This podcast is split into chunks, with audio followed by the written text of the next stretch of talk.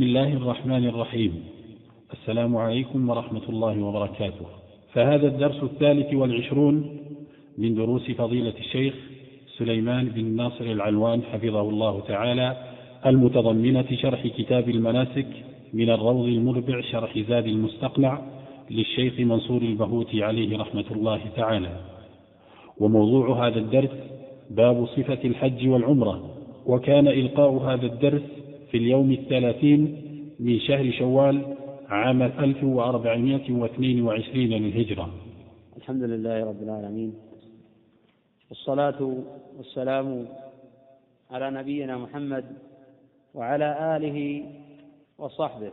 أما بعد فتتمة لأبواب السابقة إن المؤلف رحمه الله تعالى يقول ثم يرجع من مكة بعد الطواف والسعي.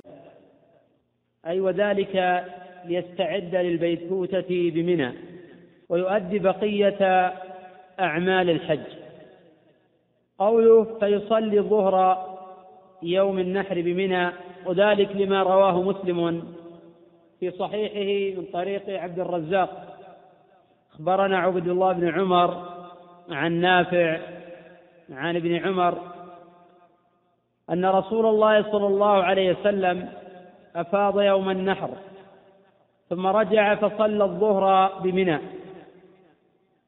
وقد جاء في حديث جابر الذي عني بصفة حجة النبي صلى الله عليه وسلم من أولها إلى آخرها أنه صلى الظهر بمكة.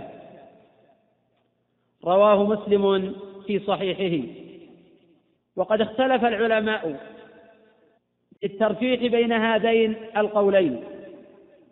فذهب أبو محمد بن حزم رحمه الله تعالى إلى ترفيح حديث جابر لأنه جاء ما يشهد له في حديث عائشة رواه أبو داود. ولأن رواية اثنين تقدم على رواية الواحد ولأن جابرا رضي الله عنه أضبط من غيره بصفة حج النبي صلى الله عليه وسلم حتى ضبط أمورا لا تتعلق بمناسك الحج.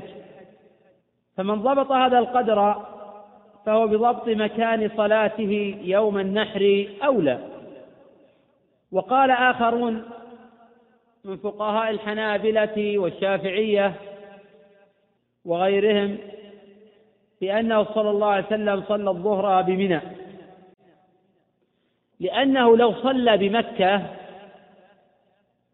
لكان خلفه بعض أهل البلد وهم مقيمون وكان يأمرهم أن يتموا صلاتهم. ولم ينقل أنهم قاموا فأتموا. ولم ينقل أنهم قاموا فأتموا بعد سلامه صلاتهم وحيث لم ينقل هذا ولا ذاك علم أنه لم يصلي حينئذ بمكة. وقال النووي رحمه الله تعالى في المجموع الظاهر أنه صلى الله عليه وسلم أفاض قبل الزوال وطاف وصلى الظهر بمكة. الظاهر أنه صلى الله عليه وسلم أفاض قبل الزوال وطاف وصلى الظهر بمكة في أول وقتها ثم رجع إلى منى فصلى بها الظهر مرة أخرى إماما لأصحابه. قوله ويبيت بمنى ثلاث ليال إن لم يتعجل وليلتين إن تعجل في يومين. والمبيت بمنى واجب في قول أكثر العلماء ويحصل بمعظم الليل لمن وجد مكانا يليق بمثله. فقد جاء في البخاري ومسلم عن ابن عمر رضي الله عنهما أن العباس رضي الله عنه استأذن النبي صلى الله عليه وسلم ليبيت بمكة ليالي منى من أجل سقايته فأذن له. فاستئذان العباس دليل على أنهم كانوا ممنوعين من المبيت من المبيت بمكة وأن المبيت بمنى متعين. وقد يقال بأن استئذان العباس من باب استئذان المأمور من أميره. فلا يكون في الحديث دلالة قوية على وجوب المبيت بمنى.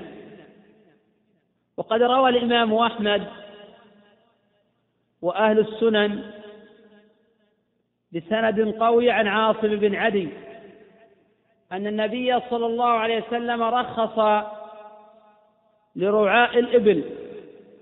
في البيتوتة أي خارج منى يرمون يوم النحر ثم يرمون الغد ثم يرمون الغد ومن بعد الغد ليومين ويرمون يوم النفر.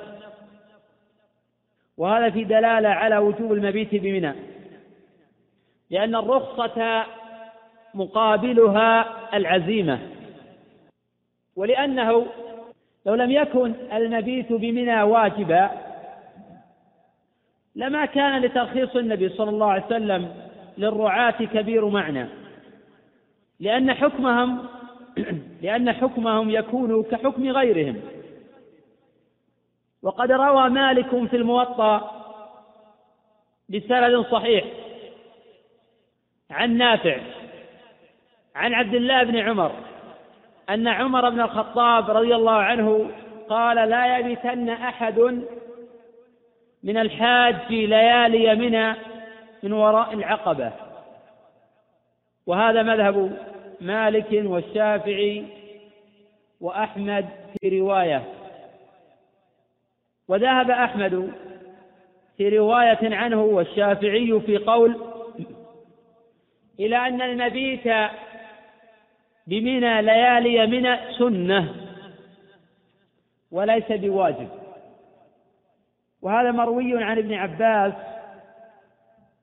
رضي الله عنه وبه قال أبو حنيفة مع الكراهة. وقال الإمام أبو محمد بن حزم رحمه الله تعالى وبات عليه السلام بمنى ولم يأمر بالمبيت بها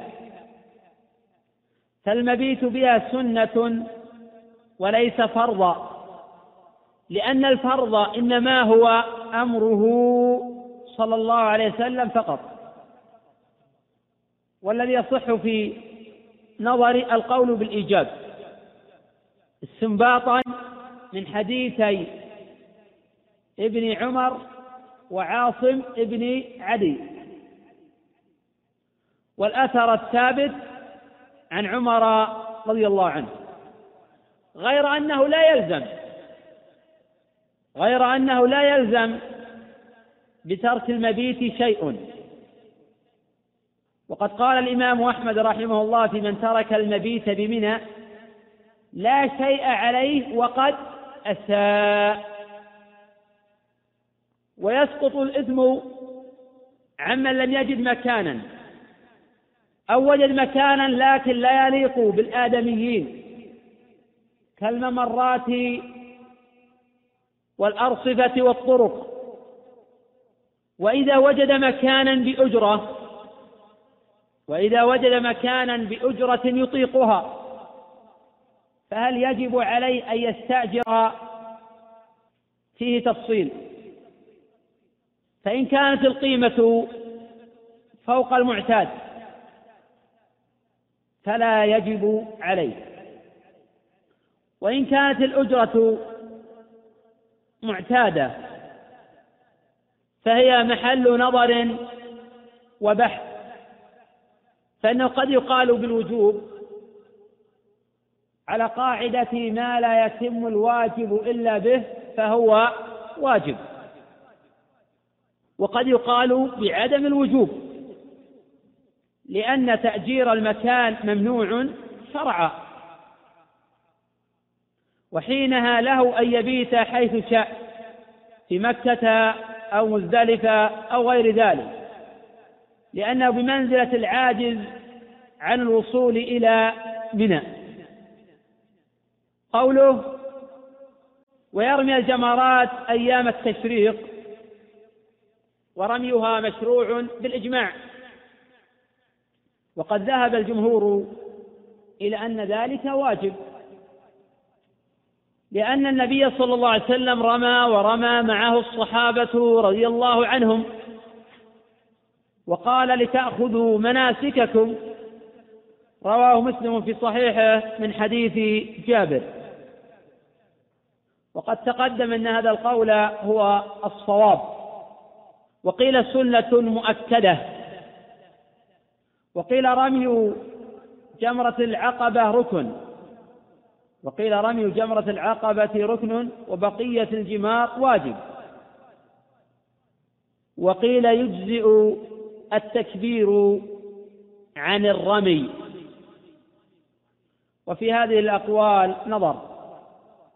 والقول بأن التكبير يجزئ عن الرمي قول شاذ. قوله فيرمي الجمرة الأولى. وتسمى الصغرى والجمرة الدنيا لأنها أدناهن إلى المشاعر. وتلي مسجد الخيف وهو منزل الرسول صلى الله عليه وسلم بمنى. وهو المكان الذي تحالف فيه الأحزاب على رسول الله صلى الله عليه وسلم في غزوة الأحزاب. قوله بسبع حصيات متعاقبات. أي واحدة بعد واحدة.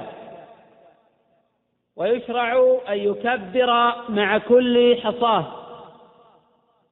وقد جاء في صحيح البخاري من طريق يونس عن الزهري عن سالم بن عبد الله عن ابن عمر رضي الله عنهما. أنه كان يرمي الجمرة الدنيا بسبع حصيات يكبر على إثر كل حصاة. الحديث وفيه فيقول هكذا رأيت النبي صلى الله عليه وسلم يفعله. قوله يفعل كما تقدم في جمرة العقبة. ويجعلها أي الجمرة عن يساره ويتأخر قليلا بحيث لا يصيبه الحصى ويدعو طويلا رافعا يديه. الذي جاء في حديث ابن عمر في البخاري أن النبي صلى الله عليه وسلم تقدم حتى أسهل. فقام مستقبل القبلة قياما طويلا يدعو ورفع يديه. وقد دل هذا الخبر على ثلاثة أمور. الأول أنه يستقبل القبلة بعد رمي الجمرة الدنيا. ولم أقف على شيء من طرق الحديث. أنه صلى الله عليه وسلم جعل الجمرة عن يساره حين أراد أن يدعو. وقوله في بعض طرق حديث ابن عمر ثم تقدم أمامها لا يدل على ذلك. وقد يقال لأن الرمي من الطريق لأن الرمي من الطريق. ومتى رمى من الطريق؟ كانت الأولى عن يسرته والثانية عن يمينه. وهذا محتمل ولا يجزم به. ولا يمكن جعله سنة. فإن السنة هي استقبال القبلة في الدعاء. الأمر الثاني أنه يدعو دعاء طويلا. الأمر الثالث رفع اليدين في ذلك. قوله ثم يرمي الوسطى مثلها بسبع حصيات ويتأخر قليلا ويدعو طويلا لكن يجعلها عن يمينه. ثم يرمي جمرة العقبة بسبع كذلك. وقد جاء في حديث ابن عمر الوارد في صحيح البخاري من طريق يونس عن الزهري ويونس عن يزيد عن ابن شهاب عن سالم عن ابن عمر رضي الله عنهما. الحديث وفيه ثم يرمي الوسطى ثم يأخذ ذات الشمال ثم يرمي الوسطى ثم يأخذ ذات الشمال. فيسهل ويقوم مستقبل القبلة فيقوم طويلا ويدعو ويرفع يديه. ويقوم طويلا ثم يرمي جمرة ذات العقبة من بطن الوادي ولا يقف عندها. ثم ينصرف فيقول هكذا رأيت النبي صلى الله عليه وسلم يفعله وقد تقدم أن الرمي واجب والترتيب في هذا الجمار واجب والرمي بسبع حصيات واجب. وإذا نسي حصاة أو حصاتين أتى بهما ما أمكن. أتى بهما ما أمكن فعلهما. فإن شق ذلك أو لم يستطع لفوات محلهما فلا شيء عليه. والجاهل في حكم الناس. وقد تقدم أنه يجوز الرمي. بحصى قد رمي به. وذلك بدون كراهة. وتقدم قول أبي حنيفة رحمه الله إن وقعت الحصاة عند الجمرة أو قريبا منها أجزأ وإن وقعت بعيدا منها لم يجزئه. وذهب غيره إلى خلاف هذا القول. وقد رجحت فيما مضى أن من أصاب ما حول مجتمع الحصى الذي عند البناء الشاخص الموضوع علامة على موضع الرمي فقد صح رميه. ويكفي في ذلك غلبة الظن ولا يشترط اليقين. قوله ويجعلها عن يمينه. تقدم قول المؤلف رحمه الله تعالى وندب أن يستقبل القبلة وحينئذ تكون الجمرة عن يمينه. وقد روى الترمذي وغيره من طريق المسعودي عن جامع بن شداد عن عبد الرحمن بن يزيد قال لما أتى عبد الله جمرة العقبة استبطن الوادي واستقبل القبلة. وجعل يرمي الجمرة على حاجبه الأيمن. الحديث وفيه ثم قال والله الذي لا إله إلا هو من ها هنا رمى الذي أنزلت عليه سورة البقرة. وهذا الحديث شاذ. وهذا الحديث شاذ. والمسعودي ضعيف والمحبوب عن عبد الله بن مسعود رضي الله عنه ما جاء في الصحيحين. أن النبي صلى الله عليه وسلم رمى الجمرة الكبرى بسبع حصيات. فجعل البيت عن يساره ومنى عن يمينه. وإلى هذا ذهب أكثر العلماء وهو الحق. وقد حكى بعض العلماء الإجماع على أنه من حيث رماها جاز سواء استقبلها أو جعلها عن يمينه أو من فوقها أو من أسفلها أو وسطها والاختلاف في الأفضل. وقد دلت السنة الصحيحة أن النبي صلى الله عليه وسلم استبطن الوادي وجعل البيت عن يساره ومنى عن يمينه.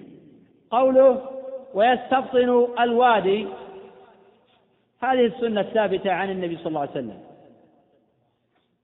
وإن لم يمكنه ذلك رمى من حيث قدر عليه. قوله ولا يقف عندها. جاء هذا في حديث ابن عمر رواه البخاري وغيره.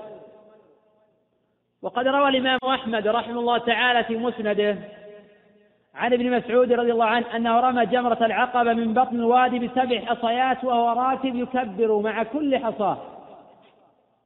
وقال اللهم اجعله حجا مبرورا وذنبا مغفورا.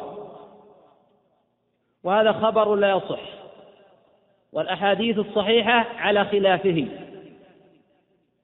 قوله يفعل هذا الرمي للجمار الثلاث على الترتيب والكيفية. الترتيب أي الدنيا ثم الوسطى ثم العقبة. والكيفية أي الموالاة. قوله في كل يوم من أيام التشريق بعد الزوال فلا يجزئ قبله.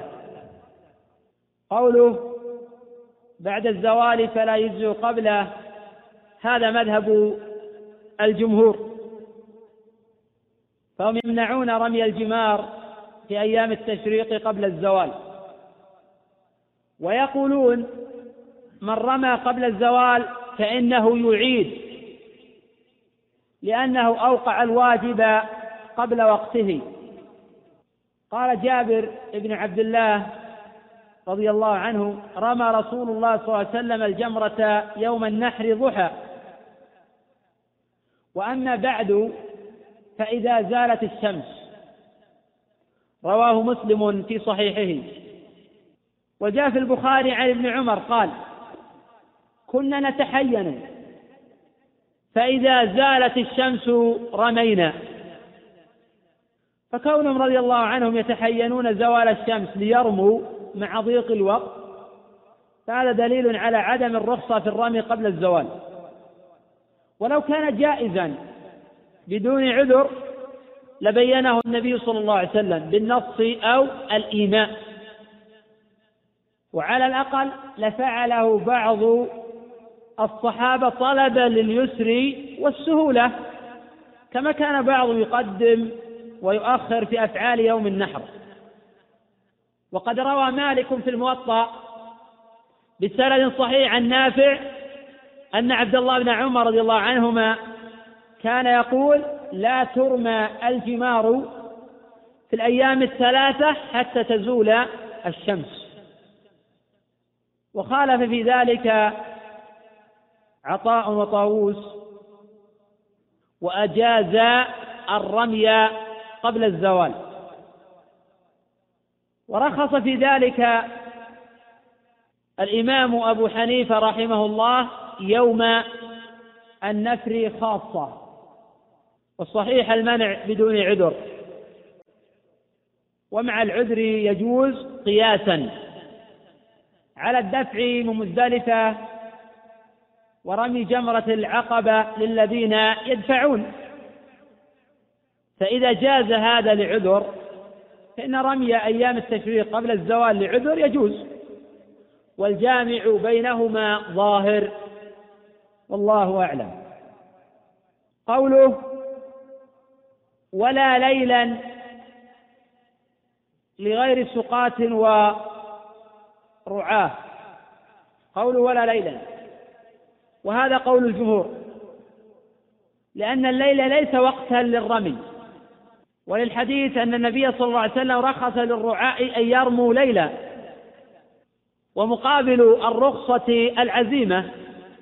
فغير الرعاة والمعذورين لا يرمون ليلا. والقول الثاني في المسألة أنه يجوز الرمي ليلا. ولو بدون عذر. ولو بدون عذر. لحديث ابن عباس في صحيح البخاري أن رجلا سأل النبي صلى الله عليه وسلم فقال يا رسول الله رميت بعدما بعدما أمسيت. فقال لا حرج. والمساء شامل وعام لكل ما يسمى مساء. فيدخل فيه الليل. ولا وجه لتخصيصه بما بعد الزوال دون غيره.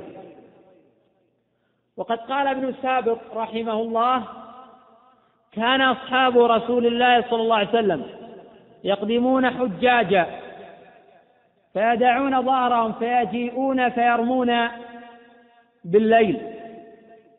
وهذا الأثر رواه ابن أبي شيبة بسند قوي. وأما حديث ترخيص النبي صلى الله عليه وسلم للرعاة فهو ضعيف. رواه البزار والبيهقي عن ابن عمر وفي إسناده مسلم بن خالد الزنجي. وقد صح هذا عن عطاء مرسلا والحاجة إلى هذا القول في هذا الزمان ملحة حيث الزحام الشديد وكثرة الحجاج وقد دل الدليل القوي على جواز هذا ولو بدون عذر. فقد بين النبي صلى الله عليه وسلم بدء الرمي ووقت البداية ولم يذكر لذلك نهاية. وحيث منع الأكثر من الرمي ليلا فإنهم يجوزون ذلك للعذر كالرعاة وشبههم. وأي عذر أكبر من عذر الزحام الشديد الذي يؤدي تارة إلى الوفيات. قوله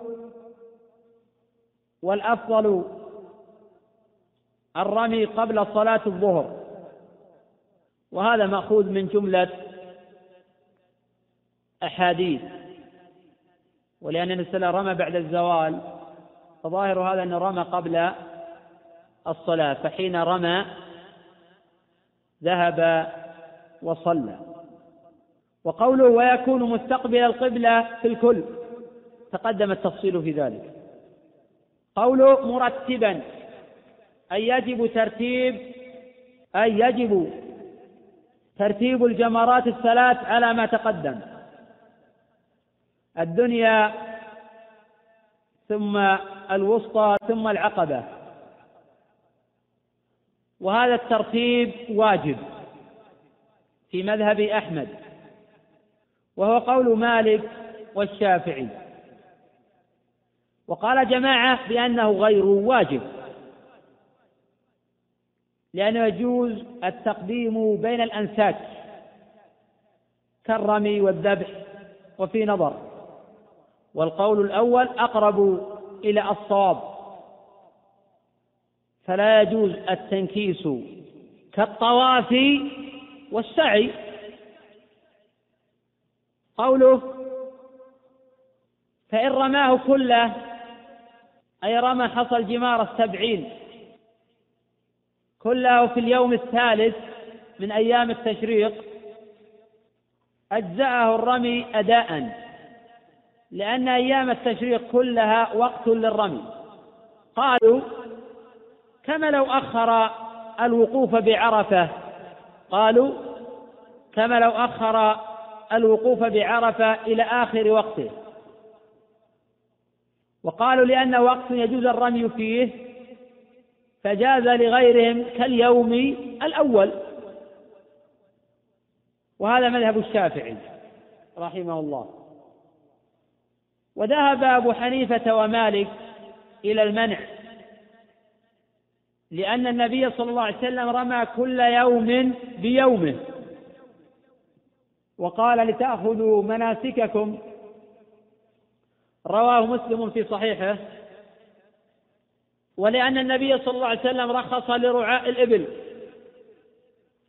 في البيتوتة خارج منى يرمون يوم النحر ثم يرمون الغد ومن بعد الغد ليومين ثم يرمون يوم النفر. رواه أحمد والنسائي وأبو داود الترمذي وصححه وروى ابن ماجه وغيره من حديث عاصم ابن عدي. والرخصة مقابلها العزيمة. فالذين يجمعون رمي يومين بعد يوم النحر هم أهل الأعذار دون غيرهم. ممن ليس له عذر ولا حاجة. قوله ويرتبه بنيته. فيرمي لليوم الأول بنيته ثم للثاني مرتبا وهلم جرا وهلم جرا تعبير يقصد به الاستمرار. وتعرب هلم اسم فعل أمر مبني على الفتح وفاعله ضمير مستتر فاعله ضمير مستتر فيه وجوبا. تقدير أنت أو أنت على حسب المخاطب وجر حال. ويجوز إعرابه مفعولا مطلقا. قوله كالفوائت من الصلاة أي ويرتبه بنيته فيرمي لليوم الأول. أي إذا أخر الرمي إلى آخر يوم يرتب بالنية لقول صلى الله عليه وسلم إنما الأعمال بالنيات متفق عليه حديث عمر. فيرمي لليوم الأول بنيته ثم للثاني مرتبا كالفوائت من الصلاة أي والصلاتين المجموعتين يلزمه الترتيب بالنية. وإن جهل ذلك أو نسي فلا شيء عليه. قال تعالى ربنا لا تؤاخذنا إن نسينا أو أخطأنا. قوله فإن أخره أي الرامي عنه أي عن ثالث أيام التشريق فعليه دم لأنه ترك واجبا.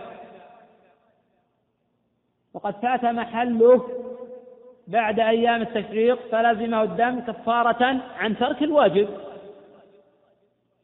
وهذا مذهب الجمهور.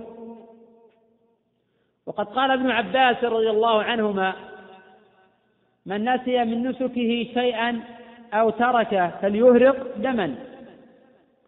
رواه مالك عن أيوب السختياني عن سعيد بن جبير عن ابن عباس رضي الله عنهما وإسناده صحيح. وأكثر العلماء يحتجون بقول ابن عباس على وجوب الدم في ترك الواجبات. وهذا اجتهاد من ابن عباس رضي الله عنهما تقدم بحثه مرارا. والصحيح أنه لا يجب الدم لأنه لم يثبت عن النبي صلى الله عليه وسلم ولم ينعقد في ذلك إجماع صحيح. قوله أو لم يبت بها أي بمنى فعليه دم. لأن ترك نسكا واجبا. والدليل على الدم هو ما تقدم من قول ابن عباس رضي الله عنهما. وعن أحمد رواية أنه أساء ولا شيء عليه. وقال الإمام الشافعي رحمه الله عن كل ليلة إطعام مسكين. وقيل عنه التصدق بدرهم وقيل عنه التصدق بدرهم وعن الثلاثة دم. وهي رواية عن الإمام أحمد. وقد تقدم الصحيح من ذلك وأنه يأتم إن ترك المبيت بدون عذر ولا دم عليه. قوله ولا مبيت على سقاة ورعاه. تقدم حديث عاصم بن عدي في ذلك. ويلتحق بالسقاة والرعاة من كان في معناهم. تقدم حديث ابن عمر في الصحيحين أن النبي صلى الله عليه وسلم رخص للعباس أن يبيت بمكة ليالي يمينة من أجل سقايته وتقدم حديث عاصم الذي رواه أحمد وأهل السنن. يلتحق بهم من كان في معناهم من المرضى والذين لا يجدون أمكنة وغير هؤلاء. نقف على قول المؤلف رحمه الله تعالى ويخطب الإمام ثاني أيام التشريق. فنكمل ذلك إن شاء الله تعالى غدا والله أعلم. نعم. إذا خرج انتهت أيام التشريق لا يرمي لأن تقدم قلت فات محله. إذا انتهت أيام التشريق ولم يروي فات محله. فإن كان لعذر كان مفروضا أن يستنيب من يرمي عنه. وإن كان جاهلا فليس عليه. إن كان لغير عذر يأتم ولا دم عليه. نعم.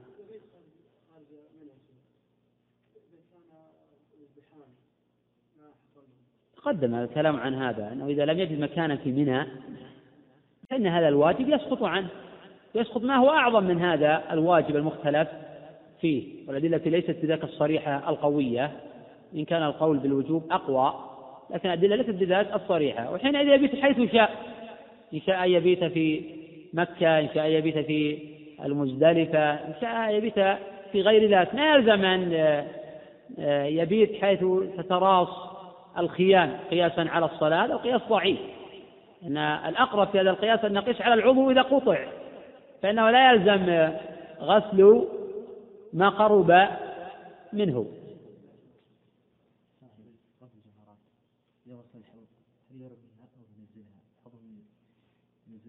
يرمي رميا لأن النبي صلى الله عليه وسلم رمى ولكن يختلف الرمي من القريب عن البعيد. فالقريب لا يحتاج إلى المبالغة في رفع اليد بخلاف البعيد ولكن لا يلقيها إلقاء لا يلقيها إلقاء. لأن الحديث ورد بلفظ رمى. يأتي إن شاء الله الحديث عن طواف الوداع وأنه واجب على الحاج. وأما في حق المعتمر فالأمر محتمل بين السنية وعدم المشروعية. أما القول بالإجاب فضعيف. لا يكون شيخ عند الرمي من استخدام النعل وغيره مع اعتقاد الناس أن هذا الشاخص هو الشيطان قد أتى به الله عز وجل وقيده. رمي الجمار بالنعال الأحذية والعلب وبعض المشروبات والحصى الكبيرة. هذا من التنطع والتعمق في الدين والابتداع. وقد قال النبي صلى الله عليه وسلم هلك المتنطعون. رواه مسلم في الصحيح من حديث عبد الله بن مسعود. أي المتعمقون الغالون في الأشياء. والنبي صلى الله عليه وسلم رمى بمثل حصى الخلف فلا يتجاوز ما سنه رسول الله صلى الله عليه وسلم وما عمل به الصحابة رضي الله عنهم. ودعوى أنهم يرمون الشيطان هذا غير صحيح. ففي الحقيقة يتبعون أهواءهم والشيطان قد ركبهم وهو الذي سول لهم وأملى لهم.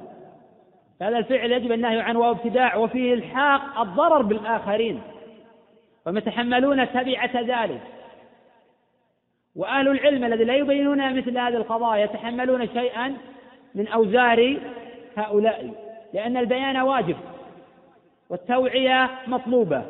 وبعض الناس يحج وهو لا يعرف شيئا من أحكام الناس كان الواجب عليه أن يتعلم لأن ما لا يتم الواجب إلا به فهو واجب. والعلم في مثل هذه القضايا واجب. فيجب عليه أن يستمع أو يقرأ أو يحج مع أهل العلم الذين يبصرونه في أمور دينه. لا أعلم شيئا صحيحا في هذا. نعم. بماذا يرمي؟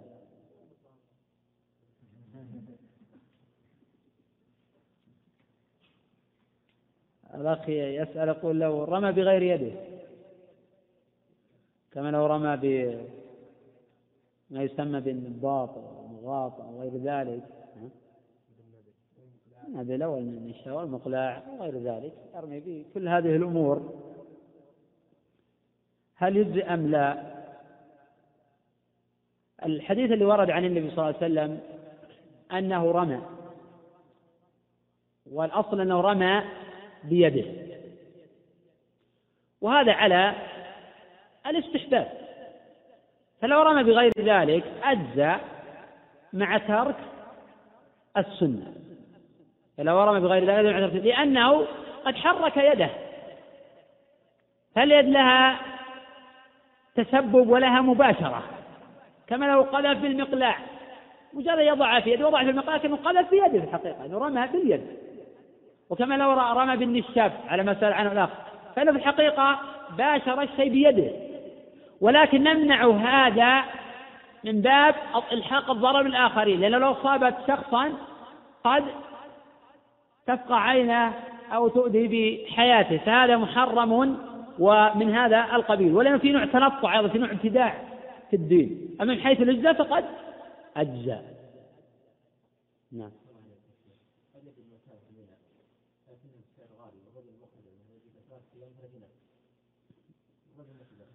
تقدم الحديث عن هذا وأن الرجل وإن كان مقتدرا ومطيقا لدفع القيمة للاستئجار بمنى ولكن هؤلاء يرفعون القيمة لا يجب عليه الاستئجار إذا أراد يستأجر فهذا من حقه.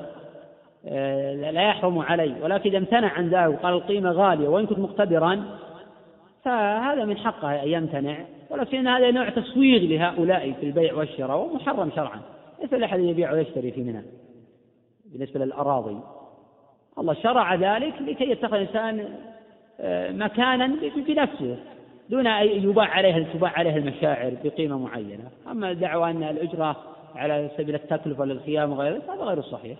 هذا لا يمكن التعريف هذا لا من مالية المسلمين.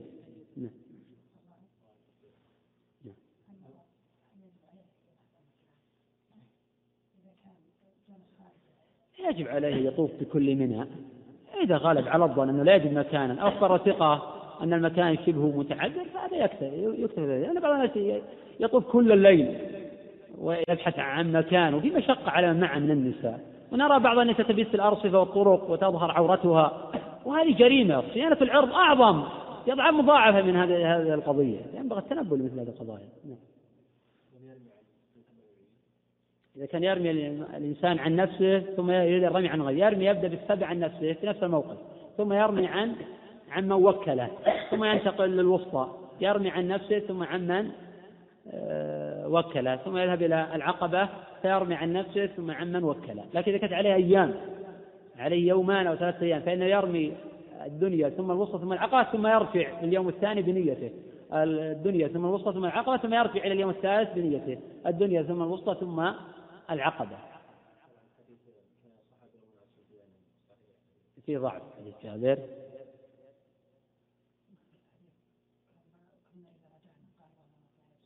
اي نعم حديث سعد وجاد عن سعد في انقطاع. هذا فيه انقطاع تقدم الحديث عنه في بابه. يكفي هذا نقف على هذا والله أعلم. بسم الله الرحمن الرحيم. السلام عليكم ورحمة الله وبركاته. فهذا الدرس الرابع والعشرون من دروس فضيلة الشيخ سليمان بن ناصر العنوان حفظه الله تعالى المتضمنة شرح كتاب المناسك من الروض المربع شرح زاد المستقنع للشيخ منصور البهوتي عليه رحمة الله تعالى. وموضوع هذا الدرس باب صفة الحج والعمرة قول المؤلف ويخطب الإمام ثاني أيام التشريق. وكان إلقاء هذا الدرس في اليوم الأول من شهر ذي القعدة عام 22 و400 وألف للهجرة النبوية. الحمد لله رب العالمين والصلاة والسلام على نبينا محمد وعلى آله وصحبه. فقد قال المؤلف رحمه الله تعالى ويخطب الإمام ثاني أيام التشريق خطبة يعلمهم فيها حكم التعجيل والتأخير والتوديع. وأيضا يحثهم على طاعة الله وأن يختموا حجهم بالاستقامة وأن يكونوا بعد الحج خيرا منهم قبله. وهذه الخطبة سنة في مذهب أحمد والشافعي. وخالف في ذلك الإمام أبو حنيفة ومالك فقال إنها لا تستحب. وفيه نظر فقد روى أبو داود في سننه من طريق ابن المبارك عن إبراهيم ابن نافع عن ابن أبي نجيح عن أبيه عن رجلين من بني بكر. قال رأينا رسول الله صلى الله عليه وسلم يخطب بين أوسط أيام التشريق. ونحن عند راحلته وهي خطبة رسول الله صلى الله عليه وسلم التي خطب بمنى. وروى أبو داود أيضا من طريق أبي عاصم عن ربيعة بن عبد الرحمن. ابن حصين قال حدثتني حراء بنت نبهان قالت خطبنا النبي صلى الله عليه وسلم يوم الرؤوس. فقال أي يوم هذا؟ قلنا الله ورسوله أعلم. قال أليس أوسط أيام التشريق؟ وفي الباب غير ذلك. قوله ومن تعجل في يومين خرج قبل الغروب ولا إثم عليه. وذلك لقوله تعالى فمن تعجل في يومين فلا إثم عليه ومن تأخر فلا إثم عليه لمن اتقى. والتأخر أفضل والتأخر أفضل ولا سيما في حق الإمام الأعظم. لفعل النبي صلى الله عليه وسلم والخلفاء بعده. ومن تعجل فلا إثم عليه إذا أدى الواجبات ولم يبقى عليه شيء. وحينها يسقط عن المتعجلين رمي اليوم الثالث والمبيت بمنى. وإلى هذا أشار المؤلف رحمه الله تعالى بقوله وسقط عنه أي المتعجل رمي اليوم الثالث. وهذا لا نزاع فيه. عند من أجاز التعجل وهو قول الجمهور. قوله ويدفن حصاه. وهذا اجتهاد قاله جماعة من فقهاء الحنابلة. وفيه نظر بل يدفعها إلى غيره ليرمي بها إن احتاج إليها الغير. وإلا فإنه يلقيها في الأرض. والعمد إلى دفنها أو التقرب إلى الله بذلك محدث في الدين. وشر الأمور محدثاتها. قوله وإلا يخرج قبل الغروب أي وإن لم يخرج أي وإن لم يخرج قبل الغروب لزمه المبيت والرمي من الغد بعد الزوال. قال ابن المنذر وثبت عن عمر أي رضي الله عنه أنه قال من أدركه المساء في اليوم الثاني فليقم إلى الغد حتى ينفر مع الناس. قال البيهقي رحمه الله تعالى ورواه الثوري عن عبد الله بن عمر العمري عن نافع عن ابن عمر قال قال عمر ورواه مالك في الموطأ والبيهقي في السنن الكبرى من طريق نافع أن عبد الله بن عمر كان يقول من غربت له الشمس من أوسط أيام التشريق وهو بمنى فلا ينفرن حتى يرمي الجمار من الغد. وهذا من أصح الأسانيد إلى عبد الله بن عمر بن الخطاب رضي الله عنهما. ويحتمل ألا يكون لمثل هذا الحكم مجال للاجتهاد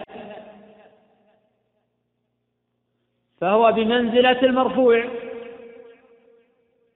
فيجب فيجب العمل بذلك.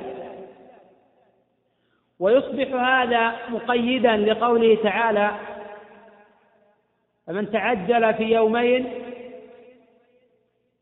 فلا إثم عليه. أي إذا خرج من منى قبل الغروب. ومن تأخر فلا إثم عليه.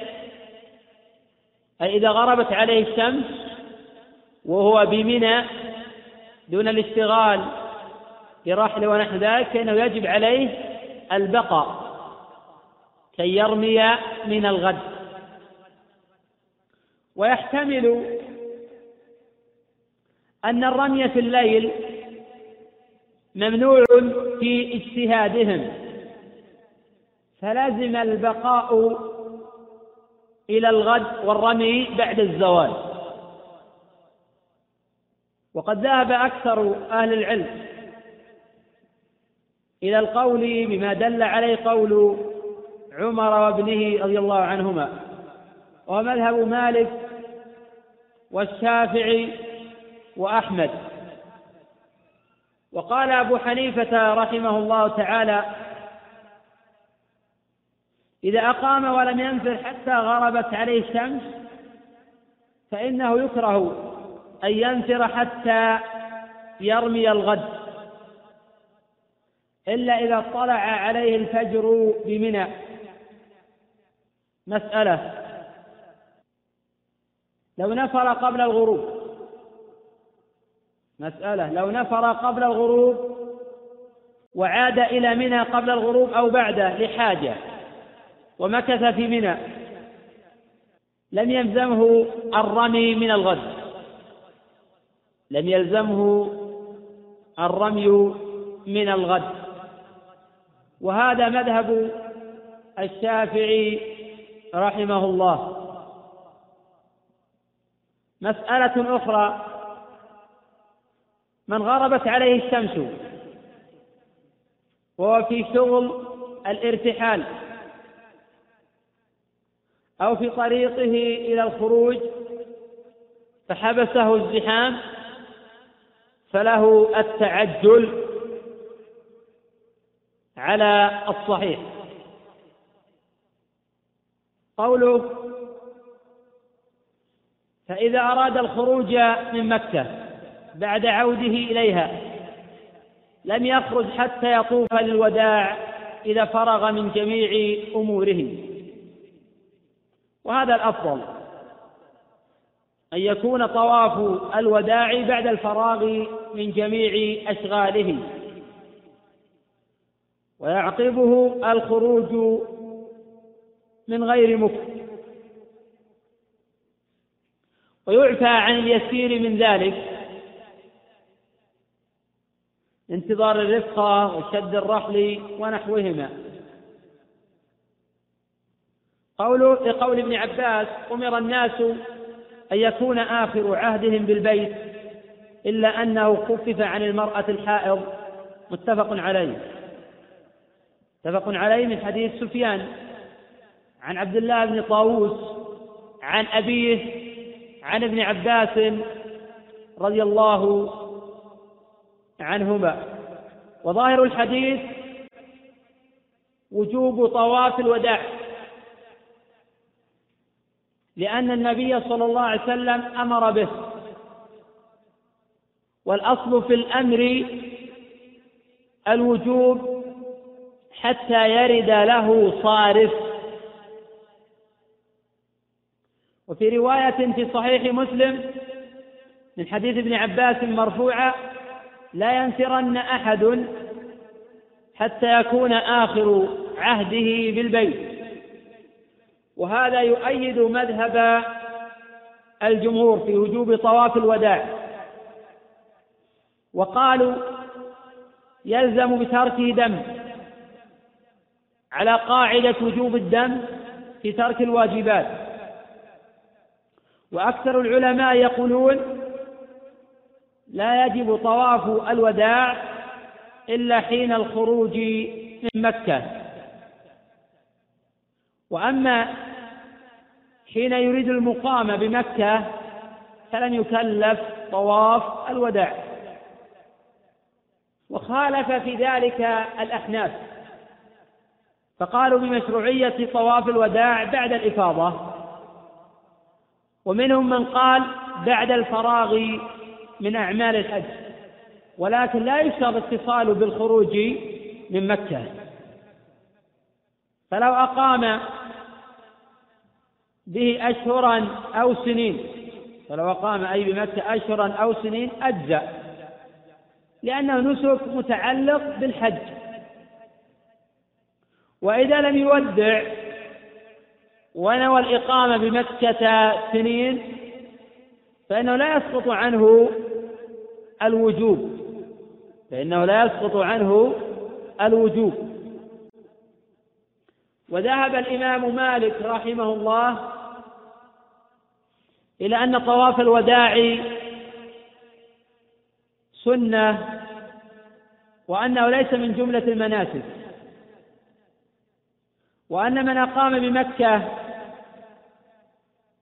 مدة ثم أراد سفرا استحب له الطواف ولا دم عليه في تركه. وكره مالك رحمه الله أن يقال طواف الوداع. وقال ليقل الطواف. وقد احتج المالكية على عدم الوجوب بسقوطه عن الحائض. وهذا فيه نظر. فليس في سقوطه عن المعذور سقوطه عن غيره. كالصلاة تسقط عن الحائض وتجب على غيرها بل يفهم من تخصيص الحائض بإسقاطه عنها أنه واجب على غيرها.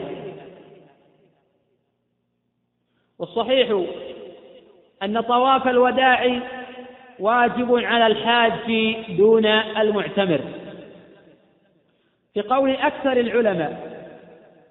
ويجب عليه حين العزم على الخروج من مكة.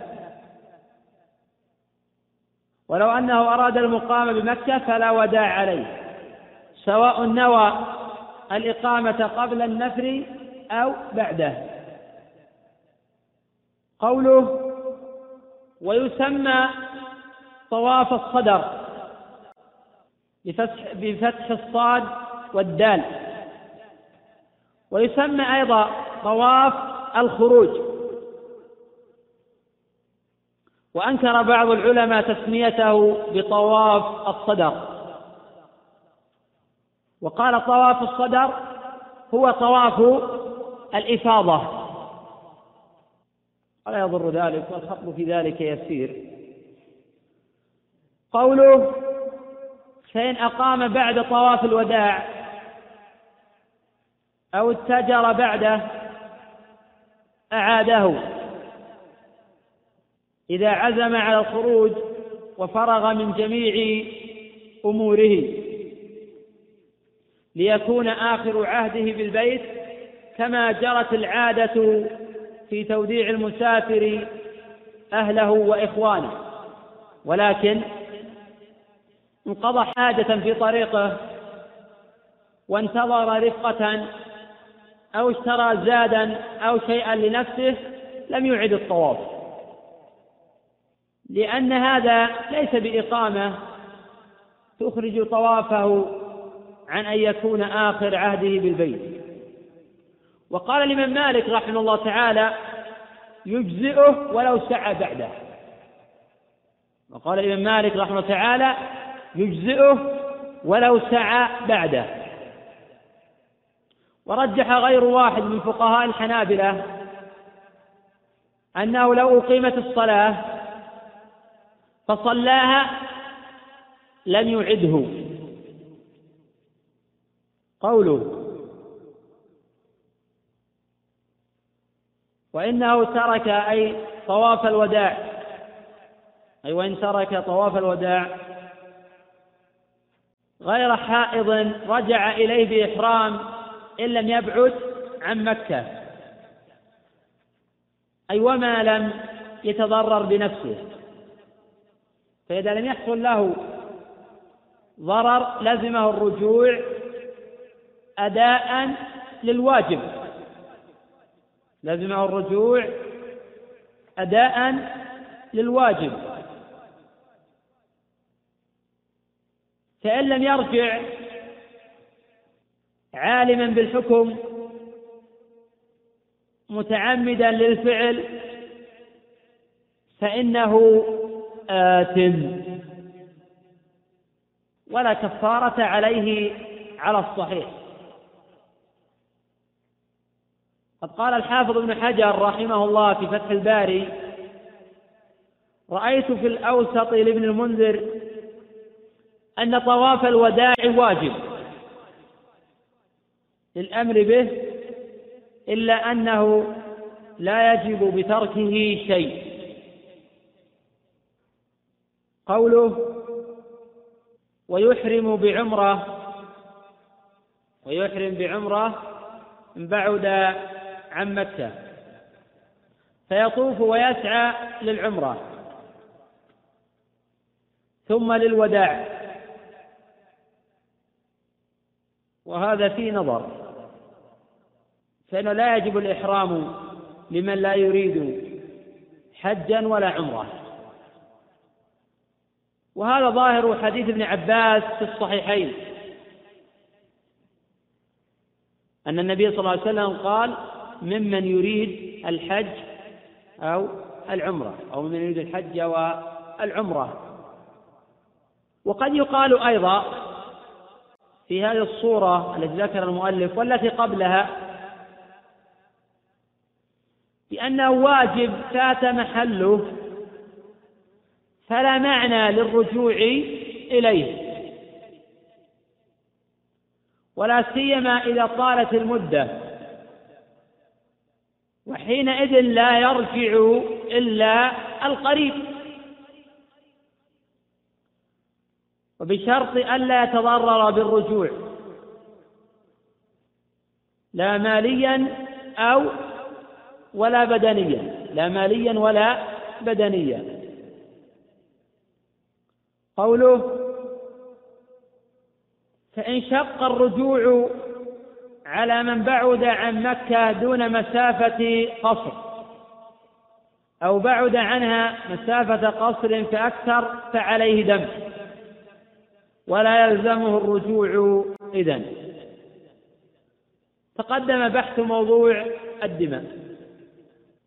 وأنه لا واجب إلا ما أوجبه الله ورسوله صلى الله عليه وسلم. وأموال المسلمين معصومة بعصمة دمائهم. وتقدمت الإشارة قبل قليل إلى قول ابن المنذر بأن طواف الوداع واجب إلا أنه لا يجب بتركه شيء. لأن النبي صلى الله عليه وسلم لم يوجبه على الحائض في ترك الوداع.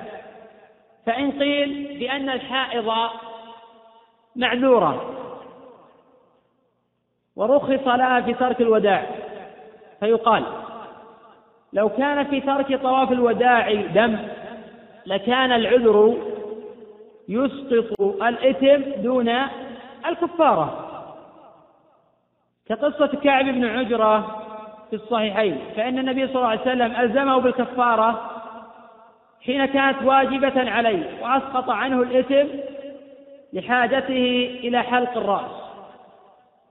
وتقدم أيضا أن النبي صلى الله عليه وسلم رخص للعباس أن يبيت بمكة ليالي منى من أجل سقايته. والحديث متفق عليه من حديث ابن عمر رضي الله عنهما. ولم يوجب عليه النبي صلى الله عليه وسلم في ترك هذا الواجب دما وقد قال بعض العلماء بالتفريق بين المعذور لحاجة أو نسيان أو جهل وبين المتعمد بدون عذر وفي هذا نظر أيضا. قوله أو لم يرجع إلى الوداع. أي وهو قادر على الرجوع فعليه دم لترك نسكا واجبا. تقدم الحديث عن هذه المسألة مرارا فليراجع ما مضى. قوله وإن أخر طواف الزيارة ونصه أو القدوم. قوله هو القدوم تقدم الحديث عن حكمه وأنه غير مشروع. حينئذ يقال وإن أخر طواف الزيارة فطافه. عند الخروج أجزأ عن طواف الوداع.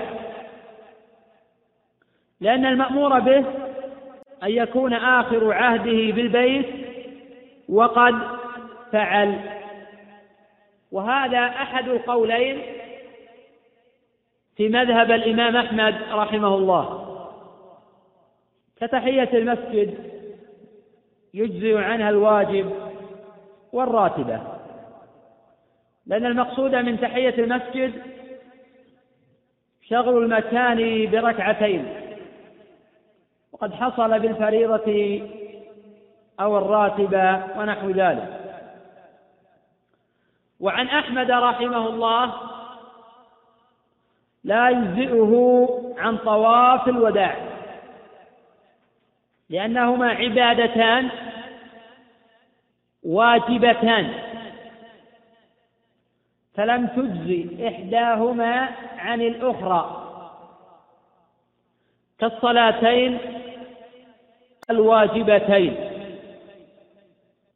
والصحيح القول الأول لأن المأمور به أن يكون آخر عهده بالبيت وقد فعل. ولذلك لو طاف بالبيت سبعة ثم عزم بعد ذلك على الخروج من مكة فإن هذا الطواف يجزئه عن طواف الوداع. فلا تجب النية. فلا تجب النية لطواف الوداع. ولو نوى بطوافه الزيارة والوداع أجزأ أيضا على الصحيح من مذاهب أهل العلم.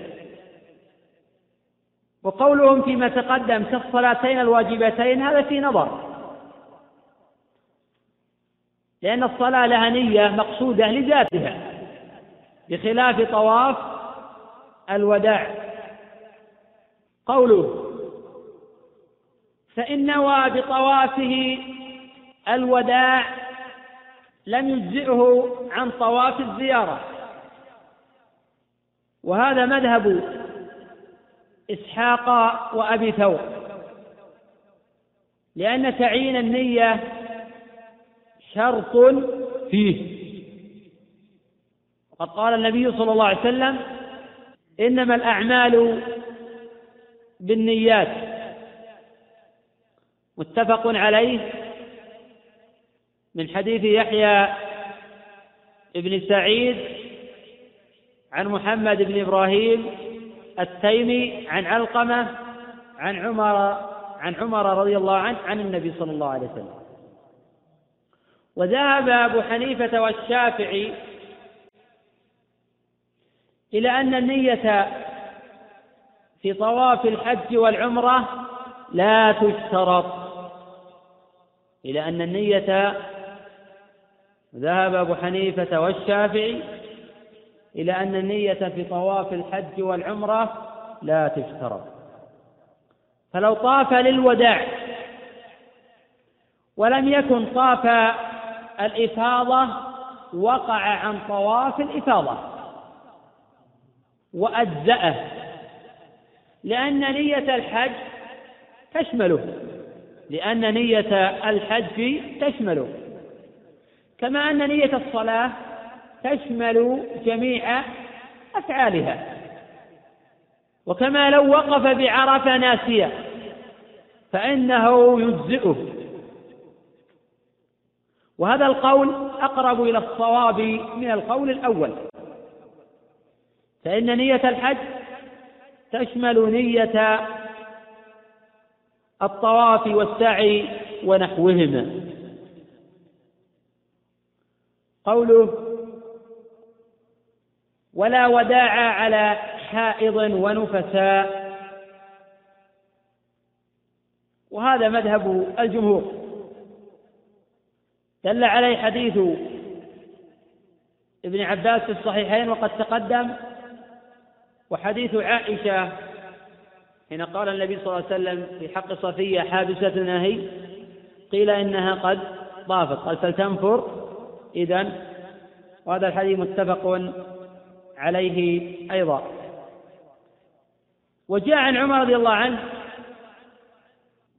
أنه أمر بحبس الحائض بمكة بعد ينثر الناس حتى تطهر وتطوف بالبيت.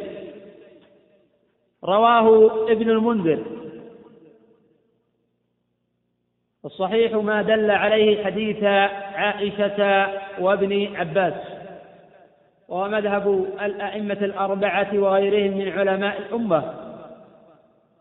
والحكم في النفساء كالحكم في الحائض.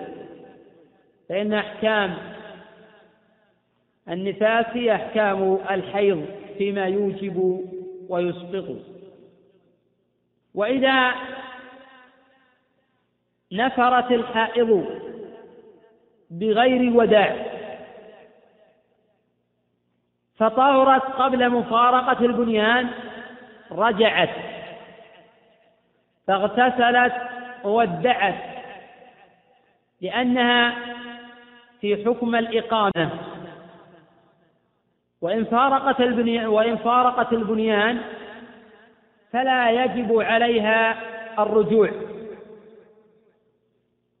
وقول المؤلف رحمه الله إلا أن تطهر قبل مفارقة البنيان هذا ما تقدم تقريره فمفهومه إذا طهرت بعد مفارقة البنيان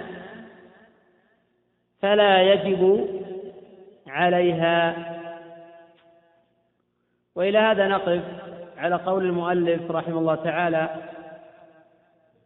ويقف غير الحائض والنفساء بعد الوداع في الملتزم إلى آخره. والله أعلم. نعم. اي نعم. السنة. قد ذهب بعض العلماء إلى مشروعية الخطبة في أول أيام التشريق والخطبة في اليوم الثاني أولى ليعلمهم أحكام التعجل وأحكام الوداع وما يتعلق بذلك.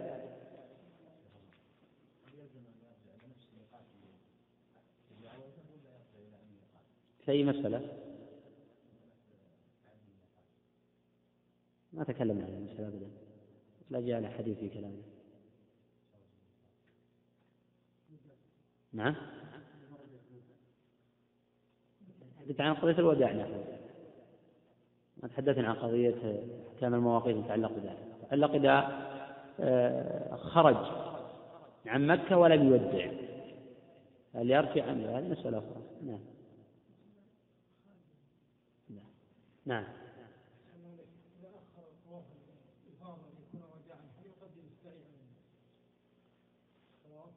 والله الصحيح كما تقدم أنه إذا أخر طواف الإفاضة وعليه سعي أنه يطوف ويسعى ويعفى عن ذلك ولا حرج في ذلك.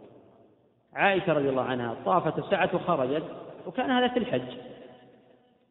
كان هذا في الحج. ولم يثبت أن عائشة رضي الله عنها قبل أن تخرج من مكة وقد ذهبت أنها قد طافت الوداع.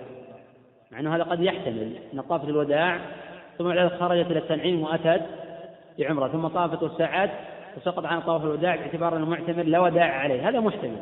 ويحتمل أن عائشة رضي الله عنها لم تودع. أصلا. وإنما لما فرغت من المناسك وأمر النبي صلى الله عليه وسلم أخاها عبد الرحمن أن يعمرها من التنعيم وظاهر السياق أنها لم تودع للحج ثم رجعت فطافت السعة وخرجت قد تقدم قول مالك رحمة تعالى في المسألة أنه ويجزئ السعي بعد وهذا قول قوي. في المسألة. نعم.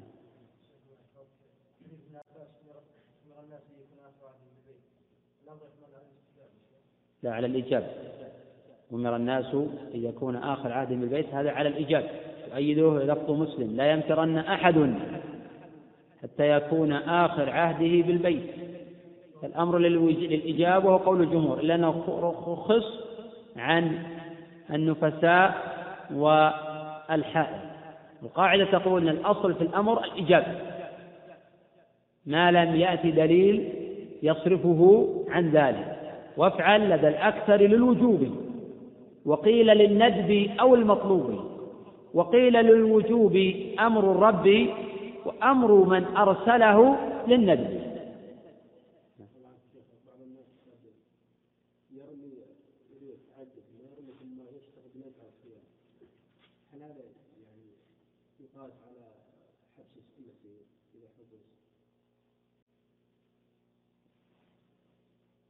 الأخ يسأل عن قضية إذا رمى من أجل التعجل ثم بعد ذلك رجع يشتغل بنزع الخيام.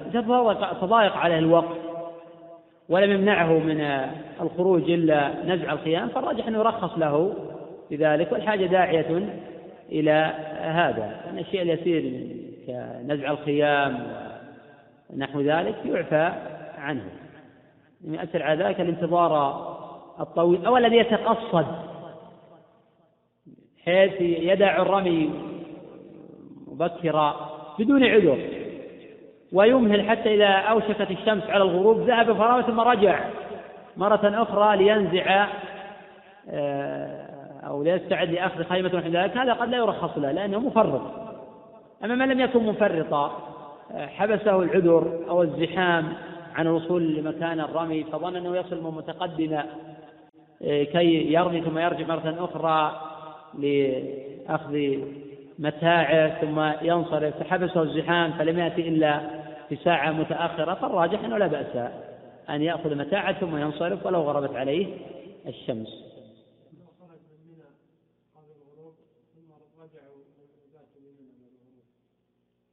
تقدم القول في هذا وأن من خرج من منى قبل الغروب ثم رجع لحاجة. فإنه لا بأس بذلك ولا شيء عليه. أما إذا رجع لغير حاجة فأي فائدة إذا من رجوعه؟ إذا كان لحاجة المبيت ونحو ذلك هذا يعتبر حاجة. لحاجة المبيت هذا يعتبر حاجة.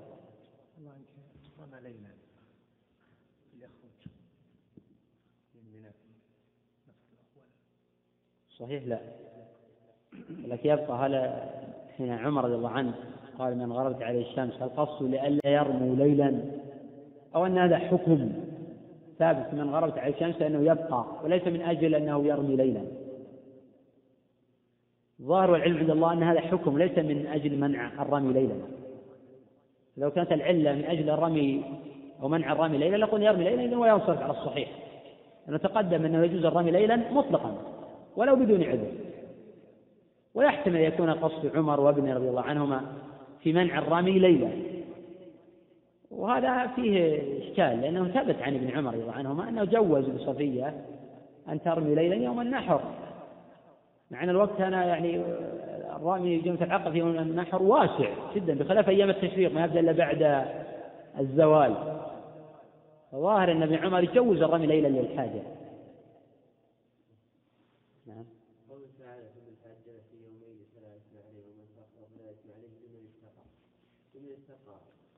قوله تعالى فمن تعجل في يومين فلا إثم عليه.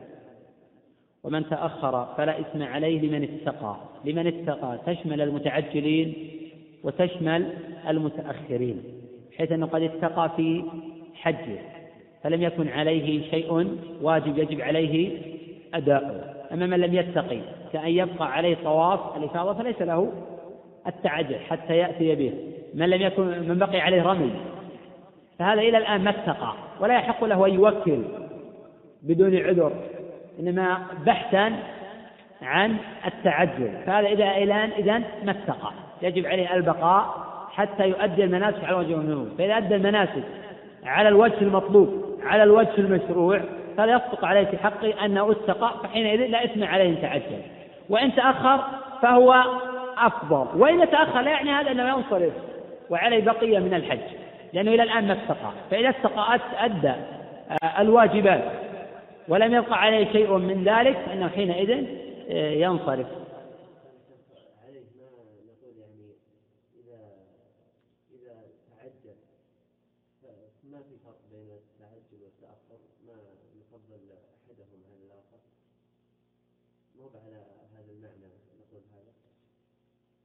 لا لا نقبل هذا لأن التأخر أفضل من التعجل. فعل النبي صلى الله عليه وسلم ولأنه أكثر أجرا فإنه يبيت في منى يبيت في مشعر في حرم ويرمي من الغد وهذه عبادة ويصلي في الحرم. لأن الصحيح أن صلاة الحرم مضاعفة تشمل المسجد وغيره وفي غير ذلك من العبادة التي تؤديها ولأن هذا هو فعل النبي صلى الله عليه وسلم. قوله تعالى فمن تعجل في يومين فلا إثم عليه ومن تأخر فلا إثم عليه لمن اتقى يشمل النوعين معا نعم.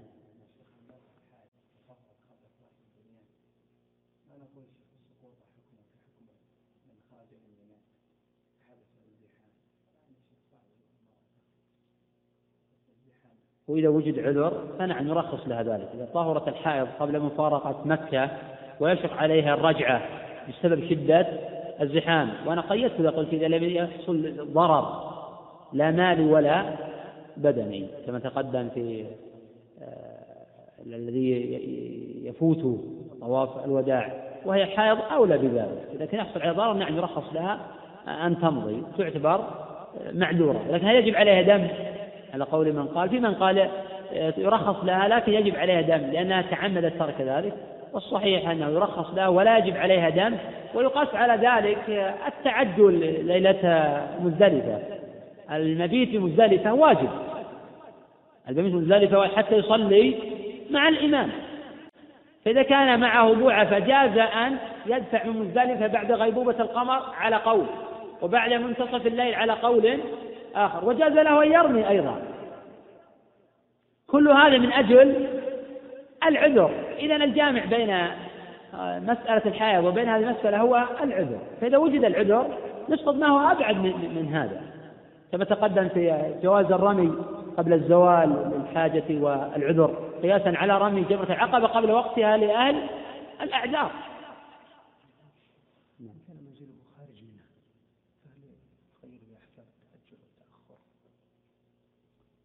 حتى لو كان منزله خارج منه فإنه يتقيد بذلك لا بد أن يرمي قبل الغروب.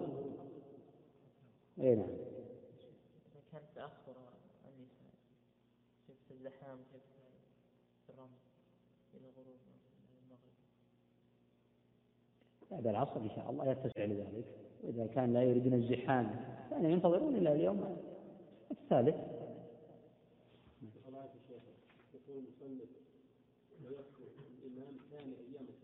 نعم. اي نعم. يوم النصر الأول يوم النصر الأول.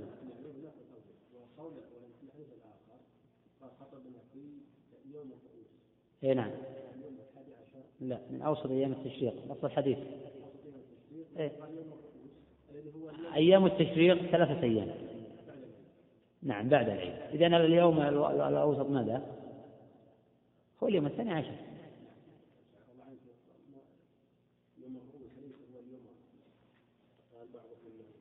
قال بعضهم هذا لكن الحديث لفظه واضح جدا. هو عين أوسط أيام التشريق. الحديث واضح في تحديد هذا اليوم. هو اليوم النفر الأول على الصحيح. لأن هذا الذي دل عليها آه، الخبر.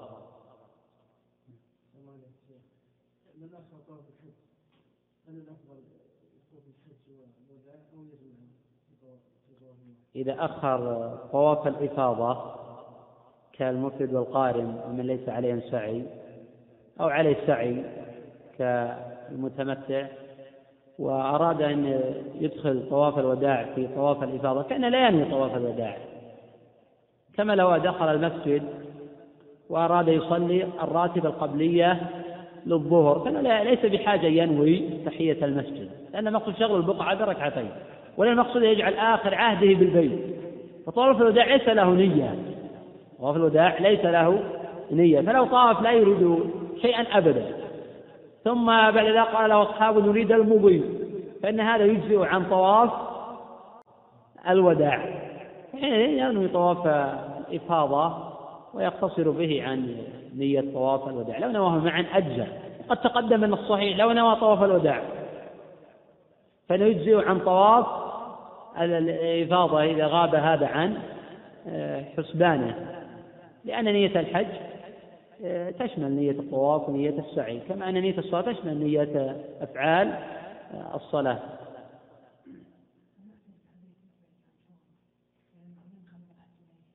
هذا من الأدلة أن نية الفعل ككل. ولكن حديث لبيك عن شبر. الراجح وقفه على ابن عباس وقول وكابر المحدثين.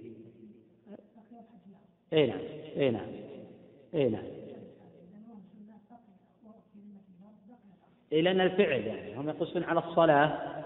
فنقول يختلف هذا عن الصلاة. الصلاة مقصودة لذاتها وهذا داخل ضمن أصل. فيختلف عن الشيء المطلوب لذاته. هذا داخل ضمن الحج. كما أنه لا ينوي الإنسان الركوع ولا ينوي السجود. آه، لأن نية الصلاة كافية عن ذلك.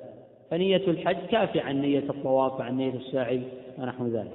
لكن ينبغي الإنسان إذا أراد أن يطوف طواف الإفاضة لا ينوي طواف آه، الوداع لأني أظن شخصا عاقلا ينوي طواف الوداع يقول من نية لا أنوي الإفاضة وهو بقي عليه آه، الإفاضة. وأن هذا يقع من باب إذا نسي الإنسان ونحن تذكر بعد ذلك أنه قد فات ولا سيما الناس يسألون في من يؤخر. كثير من المفردين والقارنين فإنه ينسى طواف الإفاضة ويطوف طواف الوداع. ثم دخل تذكر ولم يطوف طواف الإفاضة هذه رخصة. لا كما تقدم أن هذا مذهب أبي حنيفة والشافعي وطائفة من أهل العلم. نقف على هذا. الله